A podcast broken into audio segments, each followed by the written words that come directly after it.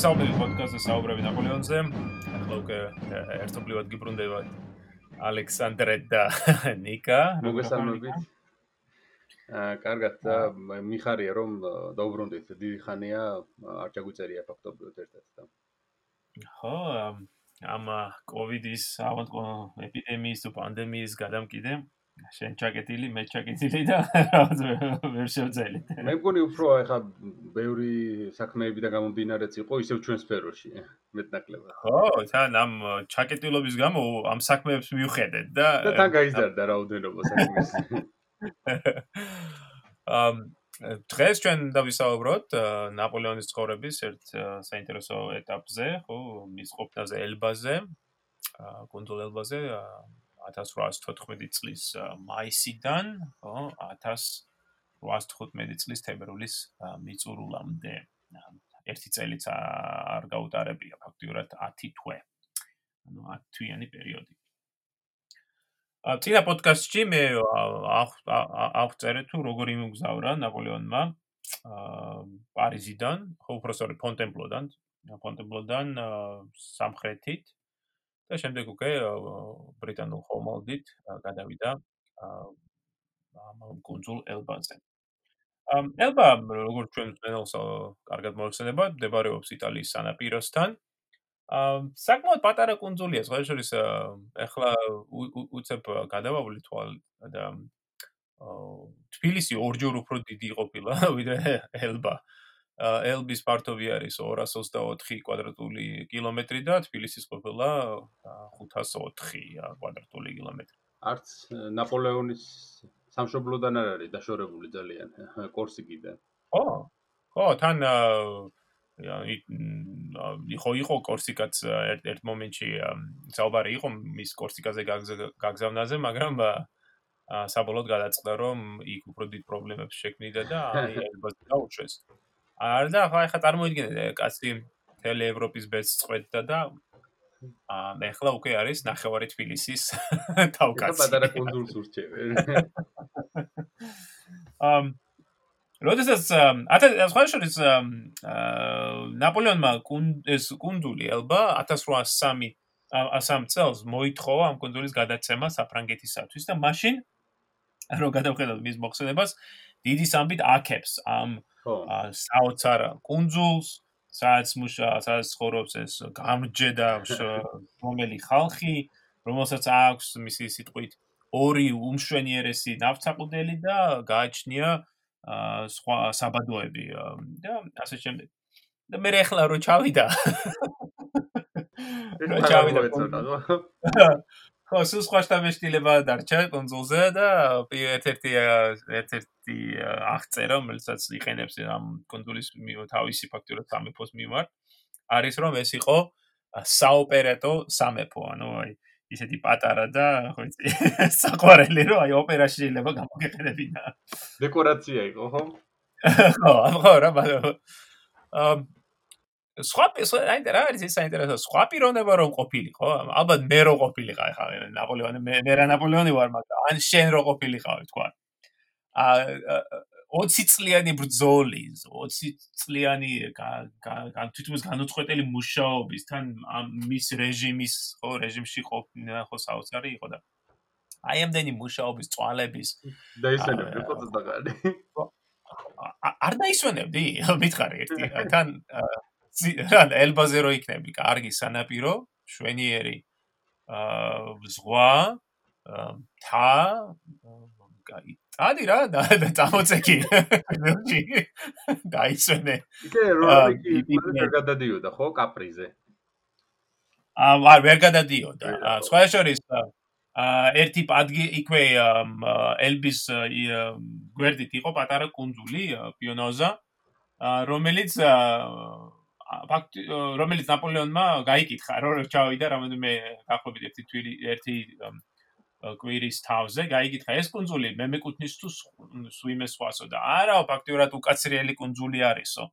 არავის არ ჭირდება და აი მაგ კუნძულის ათვისებაზე დაიწყო მე ჩალიჩი და ფაქტიურად მიიერთა ელბას მიიერთა ანუ დაიწყო ელბას პერიოდში რაღაცა. ხო ხო პონტებლოს ხელშეკრულებაში მარტო ელბა არის ნახსენები და არა ეს პიონოზას კუნძული რომელიც თუ რუკას დახედავთ არის სამხრეთ დასავლეთით ელბიდან. და მოკლედ მიიერთა ეს კუნძული. ანუ ესე რაღაცით იმას მაგონებს ემა კუნძულის ისტორია. გრაფ მონტე კრისტოს კუნძულს. რაღაც მაგადგილებშია რა და თან უკაცრიელი რაღაც სხვადასხვა სხვადასხვა კარგი ეს საინტერესოა რომ აღნიშნე შენ ეს ამ პიონოზაზე იყო ეს კუნძული დიდი ხნის განმავლობაში იყო სწორედ კორსერების პირატები ფაქტიურად ნავსამ განძინახავდნენ ხო აი ხო. ამ ხო და მოკლედ დასვენების და კაი ცხოვრების და კაი ჭამასმის მაგივრად ნაპოლეონი გადაეშვა ამ კუნძულის გარდაქმნაში მას ჩაფიქრებული ქონდა რომ ეს კუნძული ყოფილიყო ის სამაგალითო სამაგალითო სამთავრო, ხო? ეხლა მართალია მას იმპერატორის უწოდება აქვს, მაგრამ და 1000 ჯერებს. ხო, 870 კაც ჩამოაყალიბეს და მე საბოლოოდ ხო დაახლოებით 1000 კაცი ეყოლება ხოლმე ამ შემთხვევაში. მაგრამ ხო, ეხლა როგორ გინდა უწოდო ელბას იმპერია, ხო? არის, ნუ მართალია შემოიერთა ეს კონძული მამაიც. ამ და მომდენო 10 თვის განმავლობაში მან მართლაც საოცარი სამუშაო ჩაატარა ამ ამ პატარა კონძულზე. დავიწყოთ იმით, რომ დაიწყო კონძულის აღწერა. შეისწავლა კონძულზე არსებული პრობლემები და დაიწყო ამ მოსახლეობას კონძულზე დაახლოებით 11500 კაცი ცხოვრობდა ამ დროს, ანუ საკმაოდ პატარა მოსახლეობა არის. აა ნაპოლეონმა გაარკვია ვინ იყო ღარიბი, რა რა შემოსავალი ჰქონდა მათ და შემდეგ დაი შექმნა აი სისტემა რომელსაც უღარიბეს ოჯახებს ეძლეოდათ სახელმწიფოსგან დოტაცია დახმარება. დაიწყო აღშენებლობითი საქმიანობა თუ ჩვენი მსვენელიდან რომელიმე შეძლებს ჩასვლას ელბაზე. და და იმგზავრებს პოჯიოსთან იქ გზატკეცილზე საფრთხეა მათ ქვისგან ნაშენი ძალიან ლამაზი შადრევანი რომელიც სწორედ ნაპოლეონის მიერ არის აშენებული რათა ადგილობრივებისთვის მიეწოდებინა მუდმივად წყაროს წყალი ნაპოლეონის სწორედ ნაპოლეონის ხელმძღვანელობით შეიქმნა კუნძულზე თანამედროვე იმ დროისთვის თანამედროვე ბიბლიოთეკა, რომელიც სხვა შორის დღემდე ფაქტურად ფუნქციონირებს. და ეს ბიბლიოთეკა ამ კუნძულისთვის უზარმაზარი ზომის იყო, რამდენიმე დაახლოებით 2000-მდე 2000-მდე წიგნი თვლიდა ახლა. მაგრამ კუნძულისთვის ხო საკმაოდ მნიშვნელოვანი იყო. ამ დაიწყო ასევე კუნძულის ახლა გაგეცინება, მაგრამ მაინც დაიწყო კუნძულის და თავდაცვითი სისტემის განახლება და გაძლიერება მაგალითად სანაპირო ფორტიფიკაციების შეკეთება. ახლა იმდენად არ შიშობდა რომ ხოიცე ვინმე შემოეჭრებოდა და რამეს უზამდა, არამედ ეს მისთვის იყო როგორც დროს გატარების საშუალება, ასევე ადგილობრივი მოსახლეობისათვის, ხო აი დასაქმიანების მომენტიც არის. ან იცი რა არის, ალბათ ზოგადად ნაპოლეონის ესეთი ხასიათის იყო და ესეთი ტიპაჟი იყო, რომ ვერც მოითმენდა ისე, რომ მიტოვებული ქონოდა ეს კუნძული და უბრალოდ დასასვენებლად გაყოფილიყო გაჩერებული ზე და მუდმივად რაღაც გაკეთება უნდოდა რა. ხო, ანამდვილად. აი მაგალითად მისი სწორედ ნაპოლეონის ბრძანები დაიწყო კუნძულზე თუთის ხეების პლანტაციების გაშენება და დღემდე არის ხოლმე და კუნძულის ზოგიერთ ნაწილში ამ ამ პლანტაციების დარჩენები. მისი ხელმძღვანელობით მოხდა საკანონმდებლო სისტემის გადაწერა, საფუძვლიანი გარდაქმნა საგადასახადო სისტემის, აშენდა ახალი ჰოსპიტალი, აშენდა ახალი სამხედრო ბარაკები და ასევე შექმნა აი მაგალითად უბრალოდ რომ დაფიქრდე რა შექმნა პირველად კონძულზე ნაგვის შეკრების ხო ეს აკრეფის და გადაყრის სისტემა სწორედ ნაპოლეონი ახლა წარმოიდგინე მაინც როგორი მიკრო მიკრო მენეჯმენტი უყვარდა ამ კაცს. ნაპოლეონის ბრძანებით აკრძალული გახდა რომ აა 4 ბავშვზე მეც 4-ზე მეტ ბავშვს ეძინათ ერთ ლოგინში და ფაქტობრივად აკრძალა ეს ანუ პრობლემს რომ ბავშვებისათვის ბავშვების მოგონება ჰქონდა რაღაცა მაგაზე ნუ იტყვი არა? თან ისი რა არის ხა წარმოიდგინე ნაპოლეონი ესე ელბაზე ხო გააჩერეს ერთ წელიწადში ამდენი რაღაცა გააკეთა და ესე რიგრიგობით რო გადაესახლებინა სხვა სხვა კუნძულებზე. აა ხაგასტელი რომ მე მგონი ერთ-ერთ პოდკასტში ვახსენე ის ისტორია იმ ხორვატიაში რო ხდებოდა. კი კი. ხო რო ხო გასოს არა იმპერატორი რო ჩავიდა და რა ყველაფერი რაც კი მოიწონა ფრანგების გაკეთებულიაო რო უთხრეს და საბოლოოდ გაჯავრებულმა რო თქვა ეს ოხერი ფრანგები დარჩენილი იყვნენ აქ აღაშენებდნენ ამ ქვეყანასო.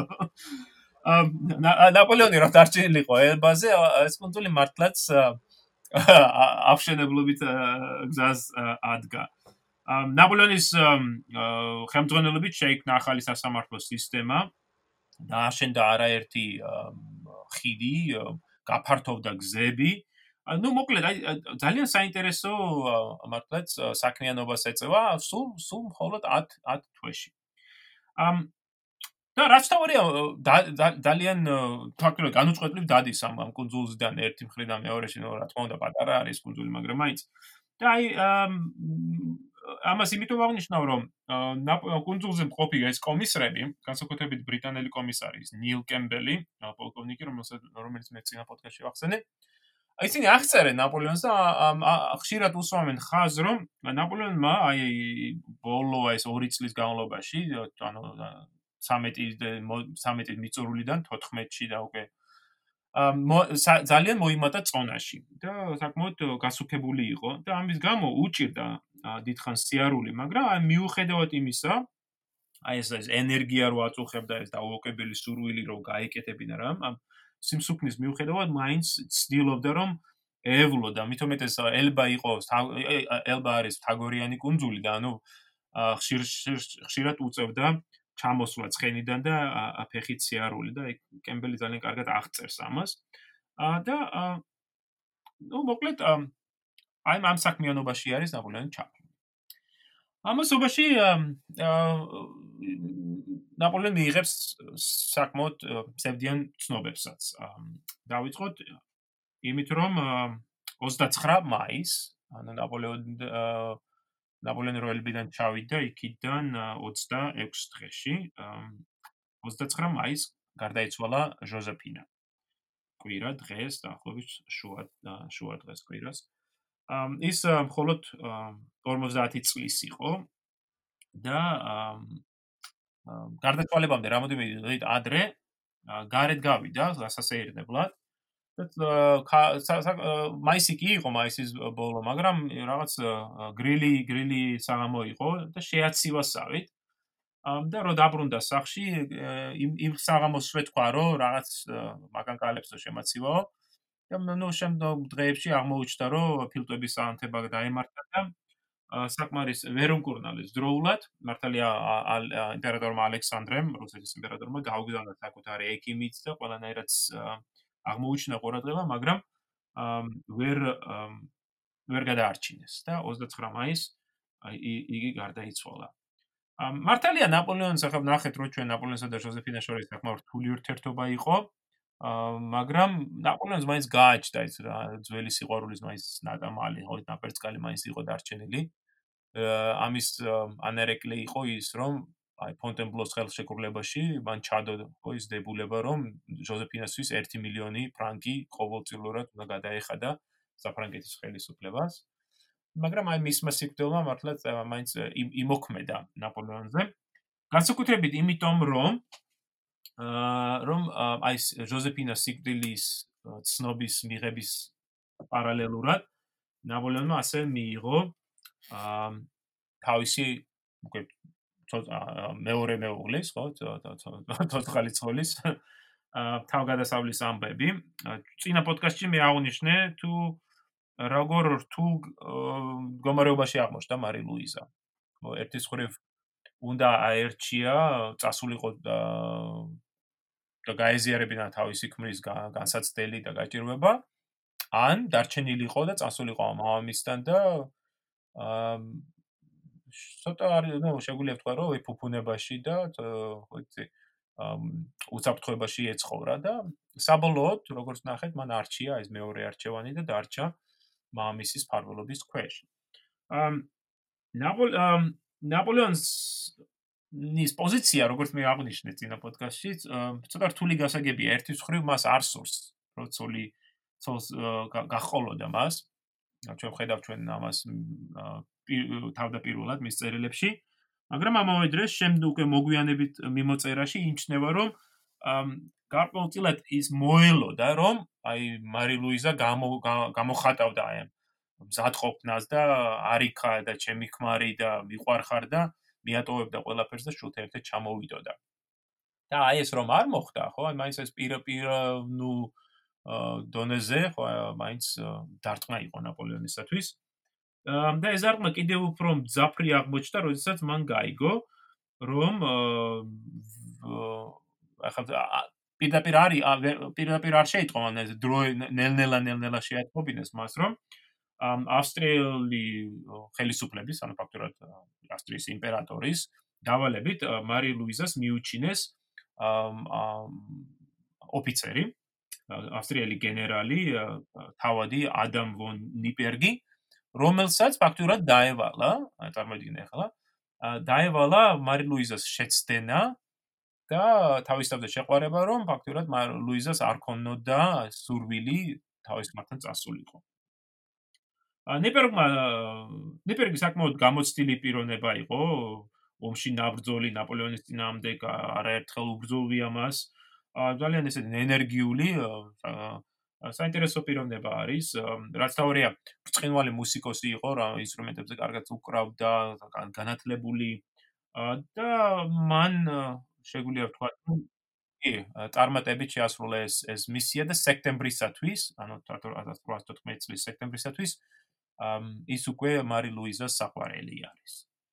ამ ნაპოლეონმა ახლა ის აი ჭორების დონეზე იცის ამის თაობაზე, მაგრამ ჯერჯერობით არ სურს ამის დაჯერება, მაგრამ ახლა მაინც აი ჟოზეფინას გარდაცვალება და ახლა უკვე მეორე ცოლის ღალატი აა ეს ეს საკმაოდ ფსიქოლოგიურ დონეზე მე ვფიქრობ, რომ დიდი ტრავმა იყო. ამ ამ აი ამ ორ ქალთან ურთიერთობის კონტექსში მინდა ასევე აღნიშნო ნაპოლეონის მესამე აი ცხოვრებაში მესამე მნიშვნელოვანი ქალბატონი ეს არის მარი ვალევსკა რომელიც სწორედ აი მარი ლუიზა როგორც უნდა მოქცეულიყო მე ვფიქრობ აი ესე მოიქცა მარი ვალევსკა ამ გაიგო რა ნაპოლეონის გადასახლების თაობაზე მან მიატოვა თავისი ხო ოჯახი ფაქტიურად და თავის ახალ პატარა შვილთან შევახსენებს მენელს ხო მარი ლევალევსკაი და ნაპოლეონის პატარა შვილი ყავდათ ალექსანდრე. აი სწორედ ალექსანდრესთან ერთად მარი ვალევსკა ჩავიდა ელბაზე და მათ გაატარეს რამოდენიმე დღე ნაპოლეონთან. წარმოგიდგენი ახლა ნაპოლეონისთვის ეს რამდენად აი რამდენად ნიშნულოვანი იყო ალბათ აი ეს განსაკუთრებით ამ მომენტში, ხო? ჟოზეფინა, ქალი რომელიც მას ძალიან უყვარდა, ხო გარდაიცვალა. მარი ლუიზა, რომელიც ცოლი, რომელსაც რომელისგანაც ის ელოდა ერთგულებას და ვერ მიიღო ეს ერთგულება და ეხლა ვალევსკა, რომელმაც აი ეს ერთგულება გამოიჩინა აი ესეთ რთულ პირობებში. და რა თქმა უნდა, ნაპოლეონისათვის ისიც იყო მნიშვნელოვანი, რომ აი პატარა ბავშვთან, ხო თავის შვილთან მართალია უკანონოსთან, მაგრამ მაინც აი ქონდა ეს ურთიერთობა. აა მაგრამ მარივალევსკა დიდხანს ვერ დარჩა და საბოლოოდ დაბრუნდა უკან პოლონეთში.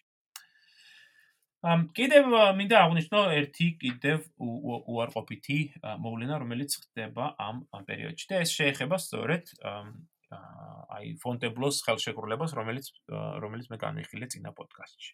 როგორც ნახეთ, ამ ხელშეკრულებით საფრანგეთის ხელისუფლებას დაევალა, ხო, ფულის გადახდა. გადახდა ნაპოლეონისათვის, ასევე გადახდა ნაპოლეონის ოჯახის წევრებისათვის. და როგორც მე აღნიშნე, საფრანგეთის ხელისუფლებას არანაირი სურვილი არ ჰქონდა, რომ ეს გაეკეთებინა. ბუნებრივია. ხო. იქნებოდა ხო ნაპოლეონისთვის ბურბონებს რატო უნდა გადაეხადათ ხა თავიანთი იმით თვით იმიტომ რომ ახლა გეტყვი შეიძლება პირა პიროვნულ დონეზე ხო იცი? აა არ უნდათ მაგრამ ის ფაქტი რომ ისინი შეუერთდნენ ფონტენბლოს ხელშეკრულებას, ნიშნავს რომ სამართლებრივად ისინი ვალდებულები იყვნენ. სამართლებრივად ნამდვილად. ამ ეხლა რა არის რა არის პრობლემა? არის პრობლემა ის არის რომ ნაპოლეონი როცა ჩავიდა ელბაზე მან თან ჩაიტანა დაახლოებით 2 მილიონ 580 ფრანკი.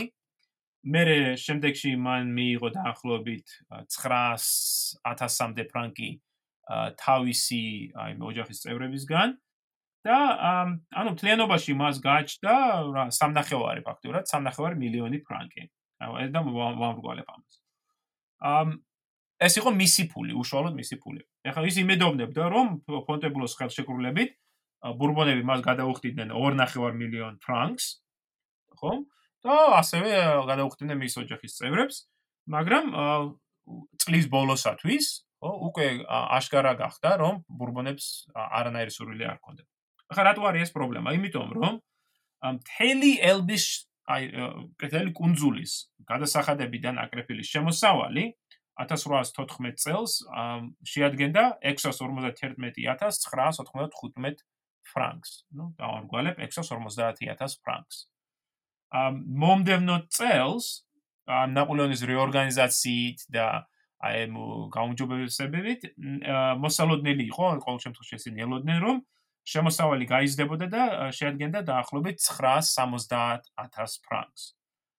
ამ მაგრამ სამოქალაქო, სამხედრო და აი ხელისუფლო ხარჯები აი ამ წლებში 14-ში და 15-ში ბევრად აღემატებოდა შემოსავალს.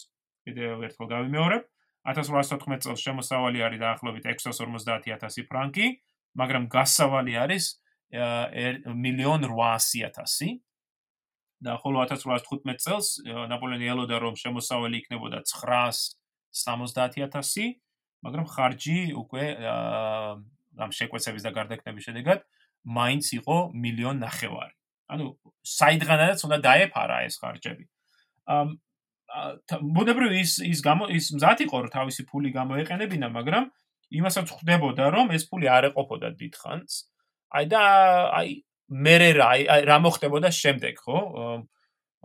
მითუმეტეს რომ ნაპოლეონ მიაჩნდა რომ მან შეასრულა ფონტებლოს ხელშეკრულებით და მასზე დაკისრებული ვალდებულებები ნახეთ ჩვენ ხო გადასცა ფულიც, ქონებაც, მიწაც, ოქროულობაც და ამის საპასუხოდ ხო ელოდა რომ მას ეკნებოდა ეს ეს პენსია როგორც ასე რომ ვთქვა საფრანგეთის ხელისუფლებისგან და ამჯერად მან მიიღო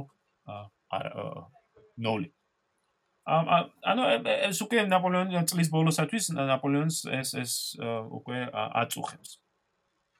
ლუი მე-18-ის ტახტზე ასვლის შემდეგ საფრანგეთში, რომელიც ევროპის სახელმწიფოთა კონგრესმა დააბრუნა, სამსახურში დაბრუნდნენ ან კლავ სამოქალაქო და სამხედრო სამსახურში ჩადგნენ ტოლვილი როიალისტებიც, რომლებიც როგორც იცით, რევოლუციურ პერიოდში დიდად წავიდნენ საფრანგეთიდან და თავის შეაფარეს სხვა სხვა სახელმწიფოებს. შემცირებულ არმიაში უპირატესობა მოიპოვეს როიალისტმა ოფიცრებმა და დაუპირისპირდნენ იმ ძველ კადრებს, რომლებმაც აი თავიანთი წოდებები მოიპოვეს რევოლუციურ და ნაპოლეონის ომებში და განსაკუთრებული დამსახურება ჰქონდათ საფრანგეთის არმიის წინაშე. აა მას შემდეგ რაც ნაპოლეონისგან ინგლისისთვის დაწესებული ეს კონტინენტური ბლოკადა დამთავრდა, კვლავ შემოვიდა ეს ინგლისური პროდუქცია, რითაც ადგილობრივი წარმოებლები გაღარიბდნენ საფრანგეთში და შემცირდა სამუშაო ადგილები. აი ბლოკადის პერიოდში ძალიან ცნობილი ფაქტია, რომ ნაპოლეონი რაღაც სუბსიდირებას აკეთებდა ეგ ადგილობრივი წარმოებების, მათ შორის ლიონის ცნობილი ფაბრიკის და ალბათ ამ პერიოდში ამან დაარტყა მეტნაკლებად მათ შემოსავალს. საფრანგეთში უკვე საკმაოდ საგრძნობი იყო ეს უარყოფითი დამოკიდებულება ბურბონთა დინასტიისადმი, რომელსაც ხალხი მაინც ნაპოლეონის მმართველობას ამჯობინებდა. ვენის კონგრესზე ეს ანტიფრანგული კოალიციის ყოფილი წევრ ქვეყნებს შორის კიდე გაცხოველებული დავა იყო ამ ევროპის გადასანაწილებლად, ანუ ახალი გადანაწილება მიდიოდა ფაქტობრივად ევროპის. რუსეთი, პრუსია, ავსტრია, ინგლისი და საფრანგეთი იყვნენ დიპლომატიურ ომში ერთმანეთთან და მრავალ საკითხზე ვერ თანხმდებოდნენ. ну განხილვის საგანი იყო ნაპოლეონი და მისი ელბაზეც ყოფნა ბუნებრივია. ну მეზობელი ქვეყნები შიშობდნენ რომ აა ნეაპოლის მეფე დარჩენილი იოახი მიურატი, ნაპოლეონის ყოფილი მარშალი და სიძე შეიძლება თო დაჯანყება დაეწყო და ნაპოლეონი ახალი იმპერიის სათავეში მოვლენოდა ამის შემდეგ. მიუხედავად ასეთი უსაფუძვლო ჭორებისა, ნაპოლეონის ყოფილმა მინისტრმა, ახლა კი ლუი XVIII-ის წარმომადგენელმა, შარლ მორის დე ტალეირანმა, ფრანკთა ყოფილი იმპერატორის უფრო შორეულ კუნძულზე გადასახლების იდეა წამოაყენა. ეს ერთ-ერთი ესეთი იდეა იყო, რომ ის გადაესახლებინათ ატლანტის ოკეანეში მდებარე წმინდა ელენეს კუნძულზე. ინფორმაცია გადასახლების შესახებ ბუნებრივია ელბაზე მყოფ ნაპოლეონამდე წაღწევდა და მას სათანადო დასკვნები გამოქონდა ამ ყველაფრიდან. ნაპოლეონს ასევე აღიზიანებდა ამ რიგი პირობების შეუსრულებლობა კონგრესისგან. მაგალითად, თუნდაც ის როგორც ვახსენეთ, რომ ავსტრიელები უკრძალავდნენ მის ცოლ-შვილს, რომ ჩასულიყვნენ ელბაზე, არ უხდიდნენ ამ შეპირებულ 2 მილიონ ფრანკს. ასევე როგორც ვიცით, რაღაც გარკვეული ის არსებობს ინფორმაცია, რომ ცდილობდნენ მოეკლათ საერთოდ ნაპოლეონი. აა ბუნებრივია არ ვიცით, ხა ეს რამდენად დაზუსტებულია ეს ინფორმაცია, თუმცა არსებობს ასეთი ვერსია. ნაპოლეონმა ისიც უნდა ვთქვა, რომ ნამდვილი იყო რეალური იყო თუ არა ნაპოლეონს თვის ხო ეს თვითონ ეს ის რო ის იჯერებდა ამას ანუ პროფესორეთ ის რომ მას აწვდიდა ამ ინფორმაციას ამის შესაძლებლობაზე თვითონ ესეც უკვე მნიშვნელოვანია ხო კი ნაპოლეონი თან საბოლოოდ გადაწყვიტა რომ აი ფაქტობრივად ყველა ეს გარემოება რაც ამ ერთი წლის განმავლობაში მას მან ელბაზე აღმოაჩინა თქვა და რასაპირებდნენ მოკავშირეები, რომ მას საფრანგეთი არ აპირებდა გადაეხადა მისთვის ფული და მოკლედ ამ ყველაფერმა საბოლოოდ გამოიწვია ის, რომ გადაწყვიტა მარო დაბრუნებულიყო და 1815 წლის 26 თებერვლისთვის მოამზადა. მან ეს დაბრუნება კონსულიდან მთელი გარემორი გარემოებები ეგ საინტერესო რომელიც რომელიც შემდეგადაც მან მოახერხა კონსულის მეთვალყურე ინგლისელების ყურადღების მოდუნება და ეს მოულოდნელი ნაბიჯი გადადგა რის შემდეგადაც თავისი მცირე რიცხვოვან რასთან ერთად ის დაბრუნდა საფრანგეთში. აქ მინდა ერთი ერთი საინტერესო მომენტი აღნიშნო რა რამაც უბიძგა თქვა ამ ამ ნაბიჯის გადასადგმელად. და ეს არის ბურბონების მიერ აი საფრანგეთის შიგნით გატარებული პოლიტიკა, რომელიც რომელმაც ძალიან ისეთი სავალალო შედეგები გამოიტანა და განაცხო მოსახლეობის დიდი ნაწილი ბურბონების ძინამდე. შენ უკვე აღნიშნე ერთ-ერთი ეს ფაქტორი ეკონომიკური, ხო, ამ თუნდაც ის რომ ნაპოლეონის მიერ ტარიფის ტარიფული სისტემა იქნა ამ მოხსნილი და საფრანგეთის ეს ეკონომიკური სივრცე გაიხსნა ბრიტანული ვაჭრობისათვის, რომელმაც დამაზიანებლად იმოქმედა ამ ქვეყნის ეკონომიკაზე. მაგრამ აქ მინდა ასევე აღნიშნო ერთი ერთი კიდევ რამ. ამ ერთ ალბათ ერთ-ერთი ყველაზე აი ეს დიდი შეცდომა რაც ბურბონებმა დაუშვეს ამ ამ პერიოდში იყო მათი პოლიტიკა ჯარის მიმართ. ხა ნაპოლეონის მართლობის პერიოდში ჯარი იყო ელიტა. ხო? ჯა ყველა ყველაზე კაი ხელფასები ჯარში იყო, ძალიან დიდ ხო დიდად აფასებდა ნაპოლეონი ჯარს, ყველგან საზოგადოების ნებისმიერ მხარეში, სწორედ აი სამხედრო სულისკვეთება, ხო აი სამხედრო ჩინები და ეს ყველაფერი იყო მაინც აყვანილი საზოგადოების სათავეში. და აი ამის ყოვლის შემდეგ ჩვენ რა ვხედავთ? პირველ რიგში რომ ბურბონებმა გადაწყვიტეს გამოეცვალა დროშა. და ეს რა განსაკუთრებით მნიშვნელოვანი იყო აი საფრანგეთის სამხედრო ქვედანაყოფებისათვის, როდესაც ბურბონის გადაწყვეტილებებით აი სამფეროვანი დროშა, ხო, ლურჯი თეთრი წითელი იქნა სწორედ ეს დროშა რომლითაც ფრანგებმა ამდენი იბრძოლეს დროშა რომლითაც ამ ათასობით ჯარისკაცის იყო სიმბოლო ხო თავისი წარსულის საბოლოო რევოლუციის სიმბოლოც იყო ეს დროშა. ხო.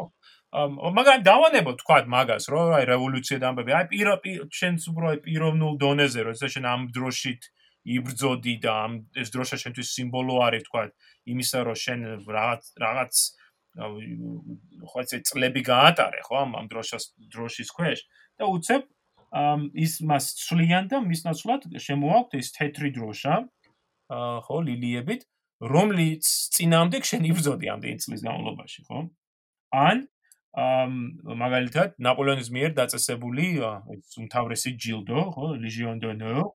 ამ საბატიო ლეგიონის ორდენი. დიახ, სწორედ იქნა ჩამოქვეითებული და მის ზემოთ შეიქმნა, უბრალოდ აღდგენილი იქნა ის სამეფო, აი მეფო ბურბონების პერიოდის ორდენები, რომლებსაც ახლა უფრო მეტი წონა მიენიჭათ, მაგრამ ახლა ბუნებრივია იმ ხალხისთვის, რომელსაც ეს საპატიო ლეგიონი მიიღოს, იმათვის ეს იყო თავარი, ხო და არა, თქვათ აა სული წმინდის ორდენი, რომელიც ლუიმ განაახლა. უფრო მეტიც. აა ჯარში ჩატარდა ფაქტურად წმენდვა. და ესეც გასაგები არის, ხა რა თქმა უნდა, ბურბონებს რაში რაში უნდა და თქვათ მამალი ბონაპარტისტები, მაგრამ აი ამ წმენდის შედეგად სათავეში მოვიდნენ სწორედ აი ემიგრანტი თავადაზნაურობის წარმომადგენლები და ასევე მოხდა ჯარის შეკვეთა დაახლოებით 200.000-მდე ჯარისკაცი იქნა გაყრილი, გაგდებული, ათასობით ჯარ ოფიცერი, მათ შორის მაგალითად 30000-ზე მეტი ოფიცერი იქნა თადარიგში გაყვანილი და მათ იმის ნაცვლად რომ ეს დათ მათ მიიღოთ ხო საპენსიო გადასახ შემოსავალი და როგორც ეს ნაპოლეონს ჰქონდა ჩამოყალიბებული მათ ფაქტურად ხელისუფლებამ უარი განუცხადა ეხლა რა ვარია ხო? შენ თუ თქვა ხარ პოლკოვნიკი ან კაპიტანი ან მაიორი წლები იმსახურე იბრძოლე შეიძლება დაი დაჭრილი ხარ ხო? და ამის ყოველივე შემდეგ ხელისუფლება გეუბნება აბა მორჩა. წადი ახლა აქედან შენ არაფერი არ გეკუთვნის.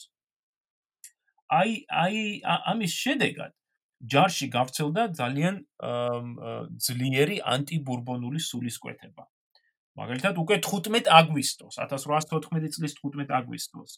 იმის მიუხედავად, რომ ბურბონ ხელისუფლებამ აკრძალა ნაპოლეონის დაბადების აღნიშვნა, ბევრ ნაწილში, სამხედრო ნაწილში, ქვედანაყოფში, ღიად აღნიშნავდნენ მის დაბადების დღეს და გაისმოდა როგორც შეძახილები ვივლემპერო, ხო, იმპერატორს გამომარჯოს, ასევე ქვემეხების გასროლა ამ დაბადების აღსანიშნავად. ანუ აი ამერია ნაპოლეონი დამარცხდა აპრილში და აგვისტოსთვის უკვე ხალხი იყურება, ხო, უკან წარსულისკენ და ფიქრობს, რომ კი, ახლა ნაპოლეონის პრობლემები ქონდა და ბევრი რამ არ გსიამოვნება, მაგრამ უის გავეყარე და ვაის შევეყარეთ ამ ბურბონების სახით.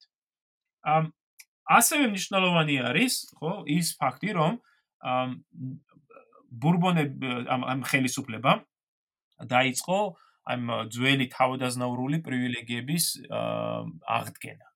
ამ ზოგიერთ შემთხვევაში ეს შეეხებოდა მაგალითად ამ ძველი პერიოდის ანსიან რეჟიმ, რასაც უძახიან ძველი ძველი პერიოდის გადასახადებების შემოღება, რომელიც ნაპოლეონმა გააუქმა, მაგრამ და რევოლუციამ გააუქმა, მაგრამ ამ ხელისუფლებამ დააბრუნა. ასევე მნიშვნელოვანი არის ის ფაქტი, რომ რევოლუცია მიეყენა ძალიან ძლიერი დარტყმა კათოლიკურ ეკლესიაზე. ნაპოლეონმა შემდეგ დაუქვებდებარა, ხო, ეს ეკლესია სახელმწიფო ინტერესებს. და ეხლა აი ბურბონები დაიწყეს ეკლესიისათვის ძველი ძალაუფლების, მათ შორის საკუთრების, ხო, აი ამის დაბრუნება. რამაც ბუნებრივია გაამწოვა სულის ხო ოპოზიცია როგორც ლიბერალურად ასე უფრო აი რადიკალურად რესპუბლიკურად განწყობილ წრეებში საფრანგეთში. აი ყოველი ამის შედეგად ნაპოლეონს ხედავს რომ საფრანგეთში წიფდება ვითარება როდესაც იფეთქებს რაღაც ხო იცი არეულობა რევოლუცია და აი ამ ახალ ბურბონთა ახალ ხელისუფლებას ემუქრება დიდი საფრთხე. ნაპოლეონის საფრანგეთში დაბრუნების იდეა, რომელიც უკვე ვახსენეთ ჩვენ, ნენელამ მომწიფდა ამ პერიოდში. პრინციპში ბოლო 6-7 თვის განმავლობაში ნაპოლეონის ელბაზე ყოფნის პერიოდში იმპერატორს ისეთი არაფერი გაუკეთებია, რაც ვინმე საფიქრებინებდა, რომ იგი დატოვებდა კონსულს ან რაღაც გეგმას ადგენდა ესეც. აა მაგრამ აი როცა ეს ყველაფერი საბოლოოდ მივიდა იქამდე, რომ ნაპოლეონი ხედავს რა საპირებენ ეს კონგრესზე მოკავშირე სახელმწიფოები და სხვა მთლიანად ეს ვითარება გაანალიზა, უკვე დაიწყო ამაზე ფიქრი. მაგ მინდა ერთი რამე აღნიშნო, ნიკა, რომ აი თებერვლის დასაწყისში, აი კემბელი, ჩვენ რომელზედაც ვისაუბრეთ, აი ნილ კემბელი, ბრიტანეთის კომისარი, თავის მოხსენებებში კემბელი აღნიშნავს, რომ ნაპოლეონმა შეაჩერა აი ეს აღდგენითი და აღშენებლობის სამუშაოები კუნძულზე რაც პემბელი გაკვირვებით აღნიშნავს ამას ბრიტანეთის ხელისუფლებაში მასთან გაგზავნილ მოხსენებებში და ამ წერს მაგალითად რომ აღარ ნაპოლეონი აღარ აღარ მან შეაჩერა თავისი რეზიდენციის შეკეთება რომ აღარ აღარ აღარ ხდება გზების ამ შეკეთება და ასე შემდეგ და აი აი კემბელში აი ამ სამუშაოების შეჩერებამ დაბადა ეჭვი რა. და აი კასელრისთან ბრიტანეთის საგარეო მინისტრთან მიწერილ წერილში ის მაგალითად აღნიშნავს რომ აი ეს ეს ყველაფერი მიუნიშნებს იმას რომ ნაპოლეონი რაღაცას აგეგმავს და კასელრის ეუნება რომ ამის ერთ-ერთი უმთავრესი მიზეზი ანუ თუ ნაპოლეონი რამეს გეგმავს ამის უმთავრესი მიზეზი ის იქნება რომ ფულს არ უხდით ჩვენ აი უბრალოდ ამ ფონტენბლოს ხელშეკრულების ხელმომწერები ხო? შევახსენებს მენელს ბრიტანელებს არ იყვნენ ამ ხელშეკრულების მხარე. და აი ამ ერთ-ერთ წერილში აი საინტერესო არის რომ ის კემბელი წერს რომ თუ ჩვენ არ გადაუხადეთ ფული დროულად მე მჯერა რომ ის მზად არის გადადგას რისკიანი ნაბიჯი. ანუ ეს ეს რისკიანი ნაბიჯი საინტერესო არის ხო? იმიტომ რომ ფაქტურად ამაზე მიუთითებს. ამ მართლაც ეს მიმოწერა ამ კასორიმ კაცოშევის გადაუგზავნა ეს მოხსენებები იმპერატორ ალექსანდრეს და ალექსანდრემ თავის ხრივ საკმაოდ კაცრი წერილები მიწერა ტალერანს, რომელშიც მოითხოვს ახსნა განმარტებას თუ რატო არიხტის ფრანგები, ფრანგული ხელისუფლება.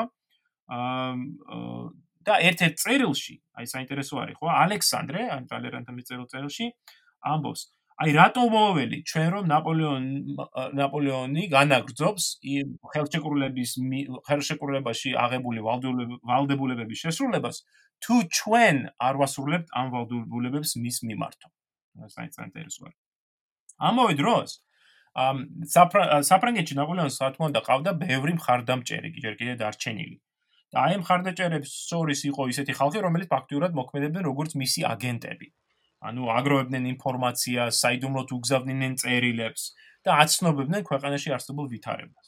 ამ ხრივ ამ საინტერესო არის პიროვნება, რომელსაც ქვია Fleury de Chabouillon.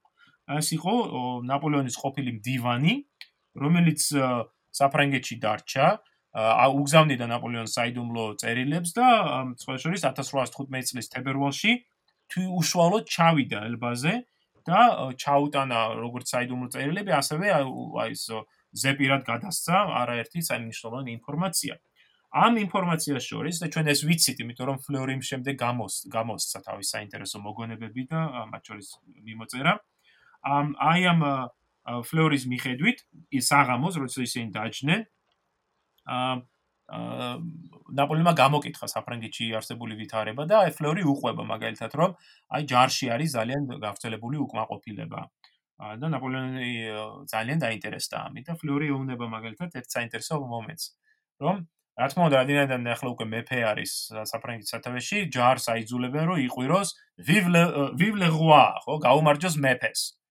ხო და ფლორი ეუბნება რომ როდესაც ჯარისკაცები ყვირიან le roi ბოლოში შემდეგ ჩუმად ამატებენ დეღომ, ანუ გაუმარჯოს მეფეს და შემდეგ ამატებენ რომის მეფეს. ანუ ნაპოლეონის ვაჟს. რაც რა თქმა უნდა, ნაპოლეონს ეამა და აი ფლორი ამბობს, ნაპოლეონი გაღიმებული მა კითხა ამ ფლორის. ანუ ჯერ კიდევ უყვარ ვარ მათ?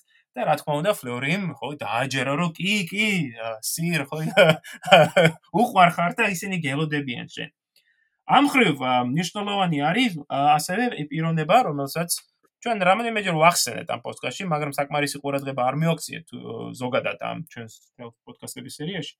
შეიძლება მომავალში ცალკეული ეპიზოდი დავუთმოთ მას. ეს არის მაღე. მაღე ძალიან ნიშნულოვანი პიროვნება იყო ნაპოლეონის ხელისუფლებაში, თუმცა ხშირად მას არ აქცევენ ყურადღებას. და აი ამ პერიოდში განსაკუთრებით მაღე არის აი ამ კოორდინე აი საფრანგეთში არსებული ეს ნაპოლეონის წრეების ფაქტორის კოორდინატორი და ნაპოლეონთან ის აგზავნის ამ წერილებს, მათ შორის ფლორიდე შაბულიონის მეშვეობით, რომელშიც იმას აცნობებს ვითარებას და აი უბიძგებს მას, რომ გადადგას ეს საბედისწერო ნაბიჯი. ბუნებრივია ნაპოლეონი ბრიტანეთის კომისრის კონსულზე ყოფნის შემთხვევაში გაუჭირდებოდა ძალიან იმ თავისი გეგმის განხორციელება, ამიტომაც მას ბუნებრივია სურს რომ როგორმე მოიშოროს ის თავიდან. ხო, და 16 თებერვალს ხომ? ხო. მას ეძლევა ეს მომენტი? იმიტომ რომ 16 თებერვალს კემპელი მიემგზავრება ფლორენციაში. ნაპოლეონმა ბუნებრივია მაშინვე გადაწყვიტა რომ ესარგებლა ამით, იმიტომ რომ ალბათ ასეთი მომენტი არ მიეცემოდა მას კიდევ. ხო, ანუ ეს პიროვნება რომელიც მას მუდამ დაყვებოდა და თვალს ხო ხო ადევნებდა, წასული არის. ეხლა რა არის საინტერესო? აა კემბელ წესით არ უნდა წასულიყო კონძოლიდან, იმიტომ რომ მისი ინსტრუქციებში წერია რომ კონძოლზე უნდა იყო და ადევნო თვალი და წავიდა კონძოლიდან. ოფიციალურად აა თავის ახსნა განმარტებაში შემდგომში ის ირწმუნებოდა რომ წავიდა ყურის ექიმთან. ფლორენციაში, რომ აი ყური მткиოდა და უნდა წავსულიყავით. მაგრამ ჩვენ ვიცით, რომ სინამდვილეში წავიდა თავის საყვარელთან, თავადის ქალთან, მინიაჩისთან დროის ატარებლად. ნაპოლეონის გაქცევას ეჭვობდა. კუნძულზე მაინც და მაინც მაშინ წავიდა ის. აი რა არის მაინც რა ადამიანის ბუნება. იცის რომ შესაძლებელია ეს და და მაინც ვიცი. ვერ ვერ შეაფასა რა საჭირო დონეზე. ნაპოლეონმა შეაიარაღა ხომალდი ენკონსტანი და გადასხადა თავისი რაზმი და 24 თებერვალს ის ინგლისური ფრეგატი როცა დაბრუნდა კემპელის გარეშე ფაქტობრივად ეს ბედის ნიშან ნიშანად შეიძლება ჩაეთვალა მაშინ მას. იმიტომ რომ ასეთ შემთხვევაში ნაპოლეონი საფრანგეთის სანაპიროებთან დააკავებდნენ. ანუ ის როცა დატოვა კონძული 24-ში დაბრუნდა ფრეგატი, რომელმაც წაიყვანა კემპბელი და ფრეგატზე არ იყო ეს კემპბელი არ არ აღმოჩნდა.